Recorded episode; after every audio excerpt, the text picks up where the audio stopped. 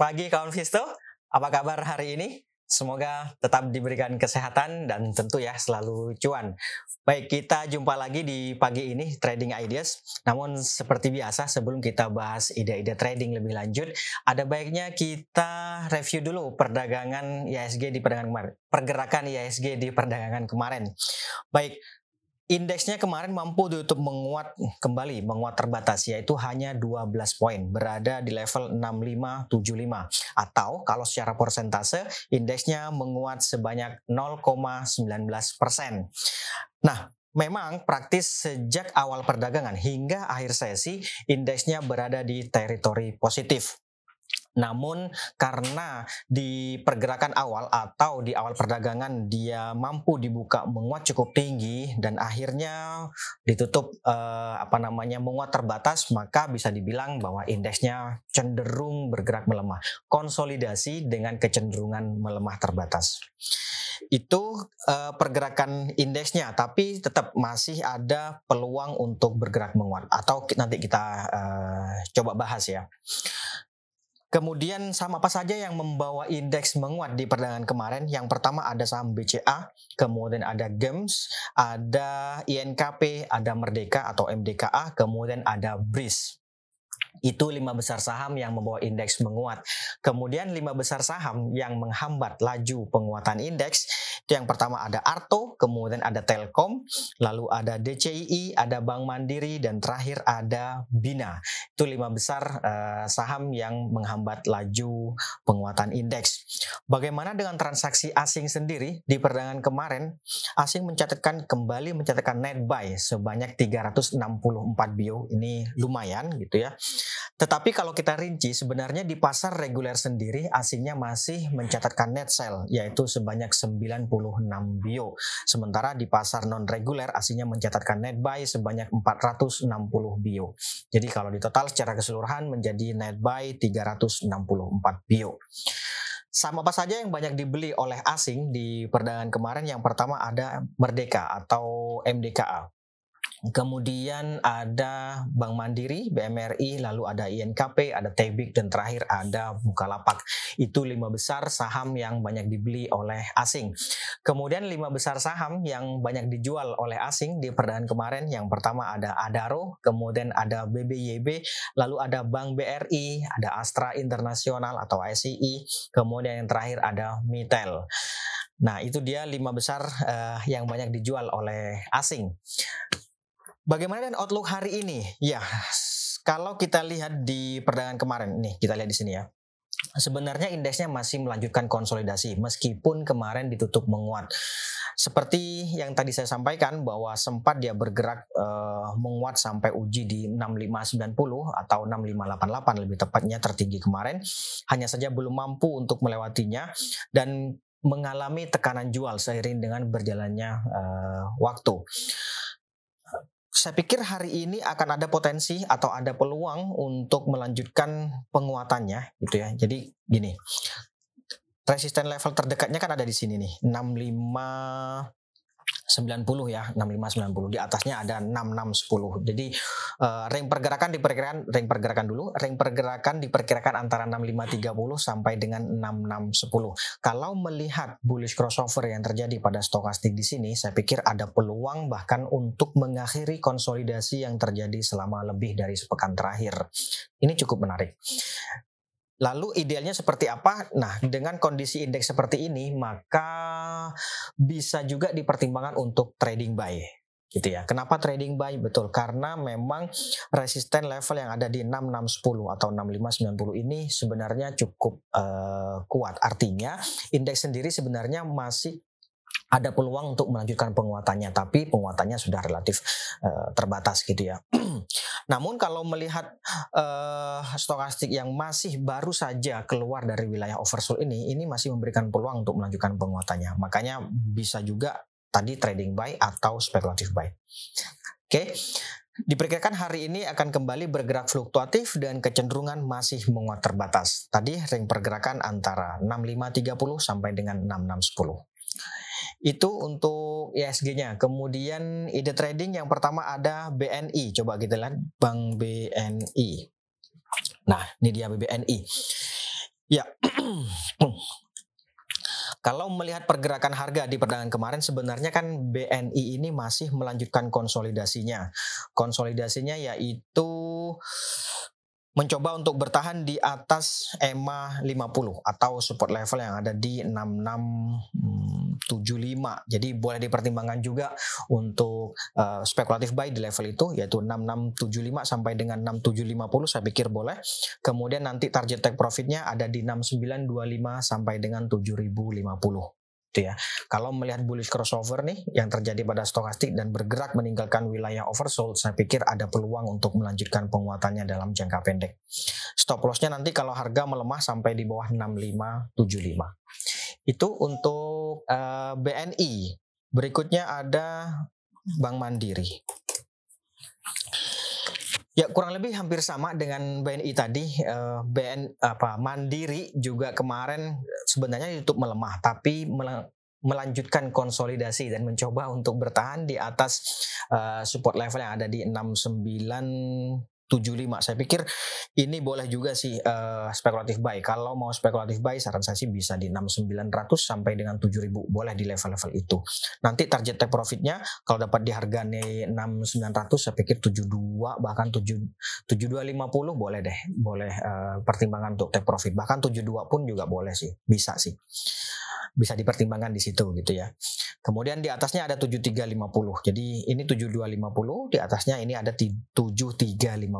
Stop lossnya nanti kalau harga melemah sampai di bawah 6800, kurang lebih di bawah sini lah. Gitu ya. Oke, itu untuk uh, Mandiri.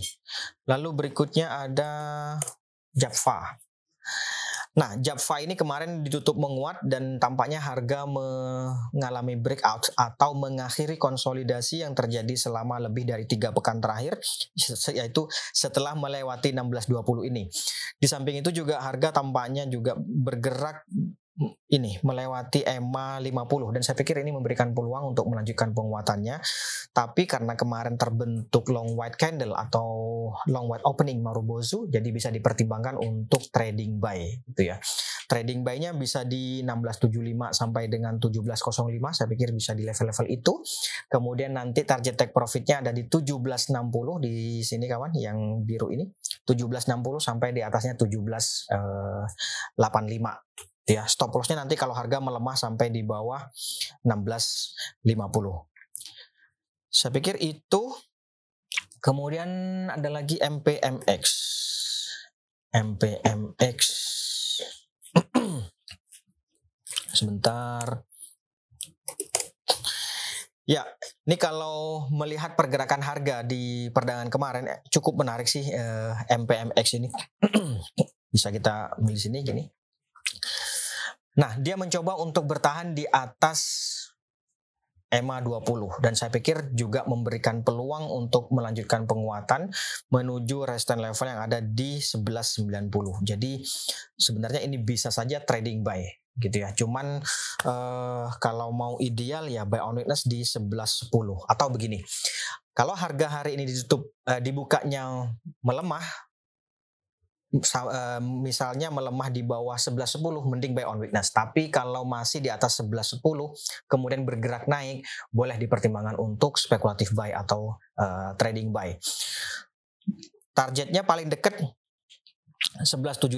Jadi kalau misalnya dapat harga di katakanlah 1120, 1125 misalnya saya pikir hmm, 1175 sih harusnya eh, cukup ya. Di atasnya ada 1190 di sini kawan. 1190 di sini. Oke. Masih cukup menarik ini, masih ada peluang untuk uh, bergerak mod. Sekali lagi, kalau misalnya nanti ternyata harganya dibuka melemah di bawah 11.10 atau bahkan pokoknya dibuka melemah terus turun nah gitu mending buy on weakness deh. Buy on weaknessnya bisa di level-level sini yaitu di 1050 sampai dengan 1080-an lah. Boleh di level-level itu. Oke, itu untuk MPMX. Berikutnya ada lagi Jaya. Oke, ini dia, ini dia Jaya. Ya, saya pikir masih ada potensi untuk mengalami koreksi jangka pendek, jadi boleh dipertimbangkan untuk buy on weakness ini idealnya gitu ya. Buy on weakness bisa di sini. 195 dia 195 atau ya idealnya sih di bawah sini sih masih di bawah lagi yaitu di 185 185 sampai dengan 195 gitu ya. Tapi untuk yang baru-baru saya tidak menyarankan ini dulu gitu ya. Kita cari saham yang lain saja. Bagi yang sudah expert sih boleh saja. Apalagi misalnya nih idealnya ini kan buy on weakness nih uh, Tentu support terdekatnya adalah level psikologis uh, eh, 200, tapi kalau bicara ideal maka bisa dipertimbangkan di sini 195 di bawah di bawah 195 atau 190 sampai dengan 185 gitu ya. Tapi kalau hari ini dia bergerak menguat sampai di atas 212 atau bahkan di atas 216, saya pikir oh, boleh juga dipertimbangkan untuk spekulatif buy. Nanti targetnya ada di 230 di sini kawan. Gitu. Oke. Okay. Itu untuk uh, Jaya. Berikutnya ada lagi teh. Ya. Untuk hari uh, ketiga, hari ketiga dia masih mengalami tekanan jual gitu ya. Memang sempat dibuka menguat kemudian mengalami tekanan jual. Artinya uh, open masih sama dengan high gitu ya. Kalau biasanya ada yang uh, apa suka seperti itu. Jadi kalau melihat pergerakan harga beberapa hari terakhir, artinya meskipun dia dibuka menguat, tapi Black Marubozu yang terbentuk itu menandakan atau menunjukkan adanya atau kuatnya tekanan jual yang terjadi. Jadi menurut saya ini ada baiknya dipertimbangkan bagi yang tertarik untuk buy on weakness terlebih dahulu. Buy on weakness ya bisa di level-level ini yaitu 6500 atau sebentar. Ini dia. Ya, di level ini 6.500 sampai dengan 6.300. Boleh di level-level itu. Atau kalau mau save hmm, bukan save sih, lebih tepatnya uh, confirm gitu ya. Mending ditunggu dahulu sinyal-sinyal uh, reversal. Sampai dengan saat ini belum ada uh, sinyal reversal. Muncul sinyal reversal kalau misalnya harga hari ini dia bergerak menguat di atas 7.600 itu yang pertama. Kalau misalnya harga menguat dan bertahan di atas 7.600 saya pikir boleh juga dipertimbangkan untuk spekulatif buy. Itu yang pertama.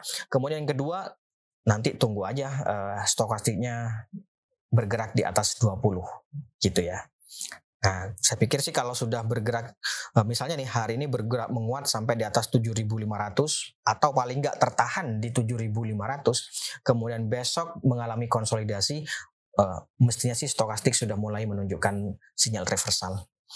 Yang jelas sampai dengan saat ini belum ada tanda-tanda untuk reversal, gitu ya. Makanya idealnya atau baiknya dengan kondisi seperti ini adalah buy on weakness. Tapi sekali lagi, kalau untuk confirm atau save-nya, mending tunggu uh, sinyal reversal terlebih dahulu.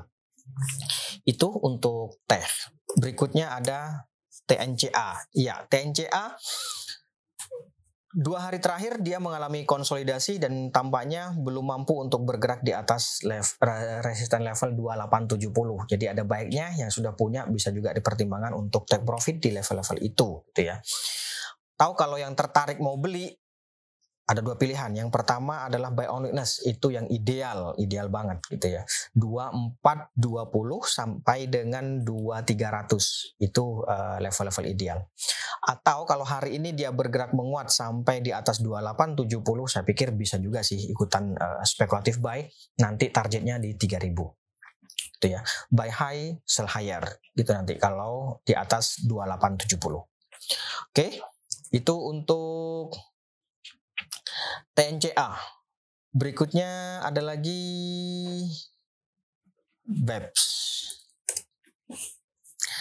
Ya, BEPS sudah mengalami uh, kenaikan atau rally selama empat hari terakhir dan kemarin dia ditutup melemah artinya mengakhiri rally yang terjadi selama sepekan terakhir maka ada baiknya dipertimbangkan untuk take profit harusnya sih bagi yang sudah punya misalnya nih di harga 4.500 gitu ya di dua hari kemarin dua tiga hari kemarin uh, cukup sih mestinya ya untuk uh, take profit gitu ya. Kalau mau buy on weakness tentu di sini idealnya yaitu di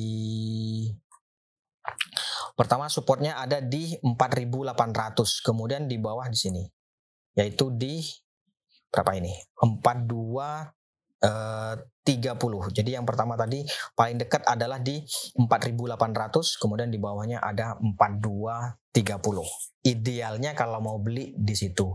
Untuk sementara ini saran saya sih mending uh, take profit dulu. Kalau misalnya hari ini dia bergerak menguat sampai di atas 5500 bisa saja sih trading buy gitu ya. Kalau misalnya hari ini kembali dia bergerak menguat sampai di atas 5500 berarti kan ada bullish continuation tuh. Boleh boleh juga dipertimbangkan untuk trading buy nanti targetnya di 5850.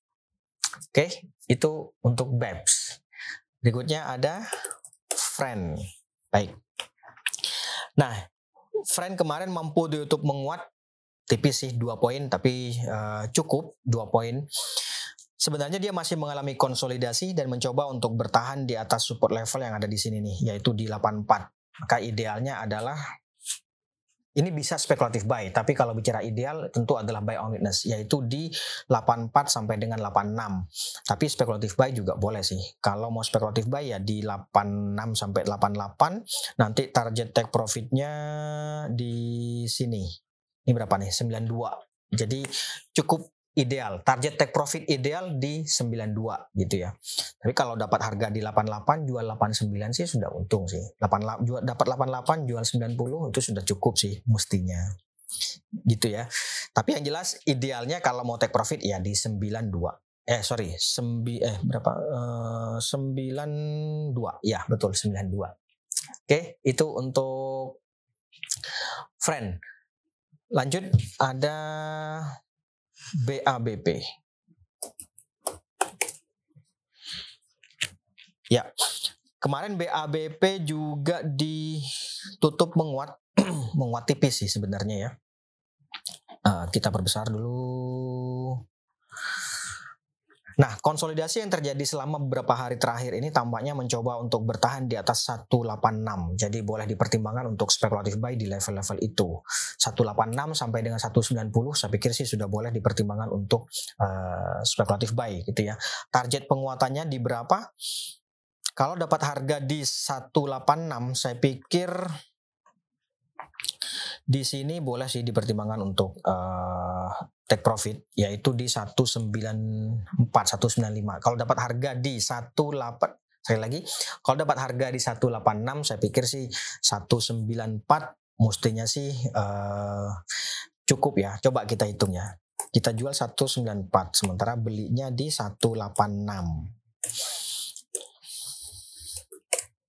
4,3 persen.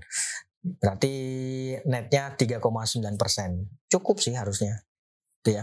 Jadi kalau dapat harga di 186 boleh dipertimbangkan take profit 194. Tapi kalau dapat harga di 190 ya bisa dinaikin dikit. Yang jelas uh, resistance level terdekatnya ada di 194 kemudian di atasnya ada 200 level psikologis 200 level itu ya. Oke, itu untuk BABP. Lanjut kita ada Abba. Abba. Oke. Okay. Sampai dengan saat ini dia masih mengalami konsolidasi. Ini dia konsolidasinya. Uh, sebentar saya pastikan biar presisi. Oke. Okay. Ini dia ya Nah ini dia, mengalami konsolidasi sudah kurang lebih uh, selama sebulan terakhir. Memang kemarin mampu ditutup menguat di 414, resisten level terdekatnya ada di 430. Artinya kalau dengan resisten level 430 itu masih dinilai layak dan logis, saya pikir boleh sih uh, dipertimbangkan untuk trading buy. Gitu ya. Kenapa trading buy? Karena rewardnya ini sama hanya sampai sini ya resistance level terdekatnya kan 430 tapi risikonya dia sini supportnya di 380 gitu ya. jadi risikonya meningkat dibandingkan dengan uh, rewardnya makanya trading buy. Cukup menarik ini. Saya pikir boleh juga uh, trading buy sekali lagi di 430 untuk uh, target take profitnya. Kita lanjut ada INTP ya. IN INTP ya kemarin dia mampu ditutup menguat dan tampaknya mencoba untuk mengakhiri konsolidasi yang terjadi selama beberapa hari terakhir hmm, boleh juga dipertimbangkan trading buy, trading buy bisa di 11.700 sampai dengan 11.825 di level-level itu boleh.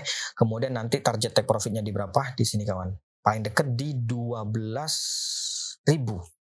12.000. Ya, kalau dapat harga di 11.725 hmm, kira-kira uh, take profit 12.000 masuk nggak? Boleh silahkan dihitung sendiri nanti. Ya, yang jelas resisten level terdekatnya ada di 12.000, kemudian di atasnya ada 12.250. Barangkali kemarin sudah ada yang ikut, misalnya ikut di 11.600 atau 11.625, 11.650 misalnya, bahkan di 11 eh, berapa? 550 misalnya. Boleh juga dipertimbangkan untuk take profit di 12.000, gitu ya. Oke, itu untuk INTP. Ini juga cukup menarik INTP. Untuk short to medium, coba kita lihat untuk short to medium. Short to medium dia juga trading buy, spekulatif buy. Kurang lebih uh, sama gitu ya. Yang jelas selama beberapa hari terakhir ini dia mencoba untuk bertahan di atas MA 200. Itu menariknya gitu. Kalau bicara ideal untuk take profit di berapa? Nih, di sini. 12250 sampai dengan 12500. 12250 12500 itu idealnya untuk uh, take profit. Oke, itu untuk NTP. Kita lanjut ada silo. Ya, silo sampai dengan perdagangan kemarin dia tampaknya masih mencoba untuk bertahan di atas support ini. Ini berapa nih? Sebentar. 8075. Ya, dia mencoba untuk bertahan di atas 8000 75 dan saya pikir ada potensi untuk uh, melanjutkan konsolidasi. Idealnya sih menurut saya ini adalah buy on breakout. Boleh dipertimbangkan di atas 8300. Kalau harga misalnya hari ini dia bergerak menguat sampai di atas 8300, boleh dipertimbangkan untuk ikutan atau spekulatif buy gitu ya. Targetnya di berapa? Nanti targetnya di sini kawan, yaitu di 8550. Mestinya sih uh, cukup sih, lumayan lah gitu ya. Jadi kalau dapat harga di Idealnya sekali lagi ini adalah buy on breakout di atas 8300, target take profit di 8350, kemudian di atasnya ada 8700. Oke, itu untuk silo. Kita lanjut BBKP. Ya, Kembali BBKP masih melanjutkan konsolidasi, mencoba untuk bertahan di atas 286, bisa juga spekulatif buy, atau kalau misalnya hari ini dia bergerak menguat di atas 290 juga bisa dipertimbangkan untuk uh, ikutan spekulatif buy. Jadi uh, mending tunggu sih, tunggu apakah hari ini dia mampu menguat di atas 290, paling dekat kan 290 tuh uh, apa namanya resistance level terdekatnya meskipun lemah. Tapi setidaknya ada peluang untuk menguat jika di atas itu gitu ya. Jadi bisa dipertimbangkan buy on breakout di atas 290. Nantinya di berapa? Kalau dapat harga di katakanlah 290 atau 292 eh, gitu ya. Jual 8 kira persen berarti netnya kurang lebih 2,3 persen. Cukup sih. Mestinya sih cukup gitu ya. Yang jelas stand level terdekatnya tadi 290 uh, meskipun cukup lemah. Di atasnya ada 298 baru ada uh, berapa ini? 310 ya 298 kemudian 310 oke itu untuk BBKP cukup menarik sih. Untuk buy on breakout. Kita lanjut ada BRIS BRIS kemarin melanjutkan penguatannya dan tampaknya bergerak di atas kembali bergerak di atas 11.15. Saya pikir ini meskipun dia tapi di akhir uh, tekanan jual gitu ya. Jadi masih ada potensi untuk tertekan lagi. Jadi idealnya saya pikir bisa diper, bisa dipertimbangkan untuk buy on weakness. Kalau buy on weakness bisa di 18.30 sampai dengan 18.50 di level-level itu. Atau kalau mau spekulatif buy pun juga sebenarnya masih bisa. Nanti target take profitnya di berapa? Target take profitnya ada di 1920 sampai dengan 1945. Boleh dipertimbangkan di level-level itu. gitu ya. Kalau melihat stokastik yang bergerak keluar dari wilayah oversold ini, saya pikir masih ada peluang untuk melanjutkan penguatannya dalam uh, jangka pendek. Itu untuk Bris. Kita lanjut Barito. Ya, ini dia Barito. Ini weekly-nya. Saya uh, kita mulai dari weekly dulu ya karena ini uh, cukup menarik saya pikir. Nah, weekly-nya bisa juga spekulatif buy tapi idealnya adalah buy on weakness. Boleh dipertimbangkan di 845 sampai dengan 865 di level-level itu untuk uh, weekly-nya. Tapi sebenarnya spekulatif buy pun juga sudah bisa. Sementara untuk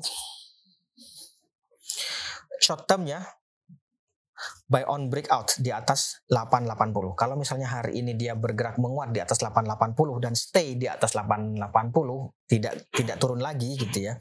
Maksudnya uh, misalnya nih seperti kemarin dia bergerak di atas 880, 885 dicolek, tapi kemudian tutupnya melemah atau mengalami tekanan sampai berada di bawah 880. Jadi belum bisa dibilang ini uh, breakout gitu ya.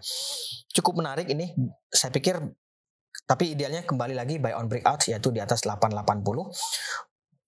Kalau dapat harga di atas 880, ideal uh, take profitnya bisa dipertimbangkan di 900 sampai dengan 910 gitu ya.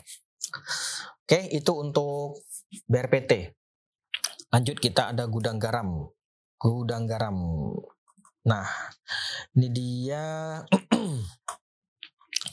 Ya, sampai dengan saat ini dia masih mengalami uh, apa? Trennya masih bisa dibilang melemah dan idealnya menurut saya bisa dipertimbangkan buy on breakout di atas ini yaitu 31 100 di atas 31 100 boleh dipertimbangkan untuk ikutan spekulatif buy. Nanti targetnya di berapa? Sampai 32 ribu atau 32275 itu nanti uh, target take profitnya. Yang jelas dengan kondisi seperti ini menurut saya ada baiknya dipertimbangkan untuk buy on breakout di atas 31100. Oke, itu untuk gudang garam. Berikutnya BNBA. Ya, BNBA kemarin ditutup melemah, tampaknya harga belum mampu untuk kembali bergerak di atas ini kawan. Tes berapa ini? Sebentar. 3800 jadi saya pikir bisa juga dipertimbangkan untuk buy on breakout di atas 3800 atau setidaknya 3780 deh. Di atas 3780 saya pikir boleh dipertimbangkan untuk spekulatif buy. Dan kondisi seperti ini ada baiknya itu tadi buy on breakout atau kalau hari ini dia bergerak melemah sampai di bawah sini 3300 bisa juga sih ikutan uh, spekulatif buy jatuhnya gitu ya. Oke, itu untuk BNBA Saratoga. Berikutnya ada Saratoga. Ya, kemarin mampu ditutup menguat. Barangkali kemarin ada yang sudah ikut, mungkin bisa juga dipertimbangkan take profit di 2960. Yang jelas resistance level terdegatnya ada di 2960. Kalau masih itu dinilai layak dan logis untuk masuk di harga katakanlah 2850, bisa juga sih uh, trading buy gitu ya. Yang jelas sekali lagi uh, resistance level terdekatnya ada di 2960 bisa dipertimbangkan untuk yang sudah dapat take profit di level-level itu. Oke, itu untuk Saratoga. Terakhir ada Bukalapak. Ya, konsolidasi Bukalapak sudah beberapa hari terakhir, tapi tren masih melemah. Menurut saya ini idealnya uh, buy on breakout atau kalau mau main jangka pendek bisa juga dipertimbangkan di atas 460.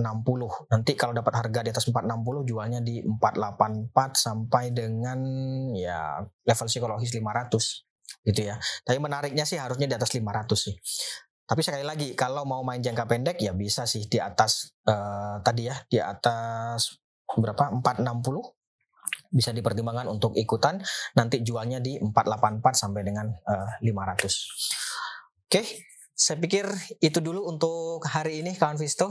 Terima kasih atas kehadiran dan partisipasinya. Kita jumpa lagi besok. Mudah-mudahan tidak bosan. Sekali lagi terima kasih dan salam investasiku for better tomorrow. For better tomorrow.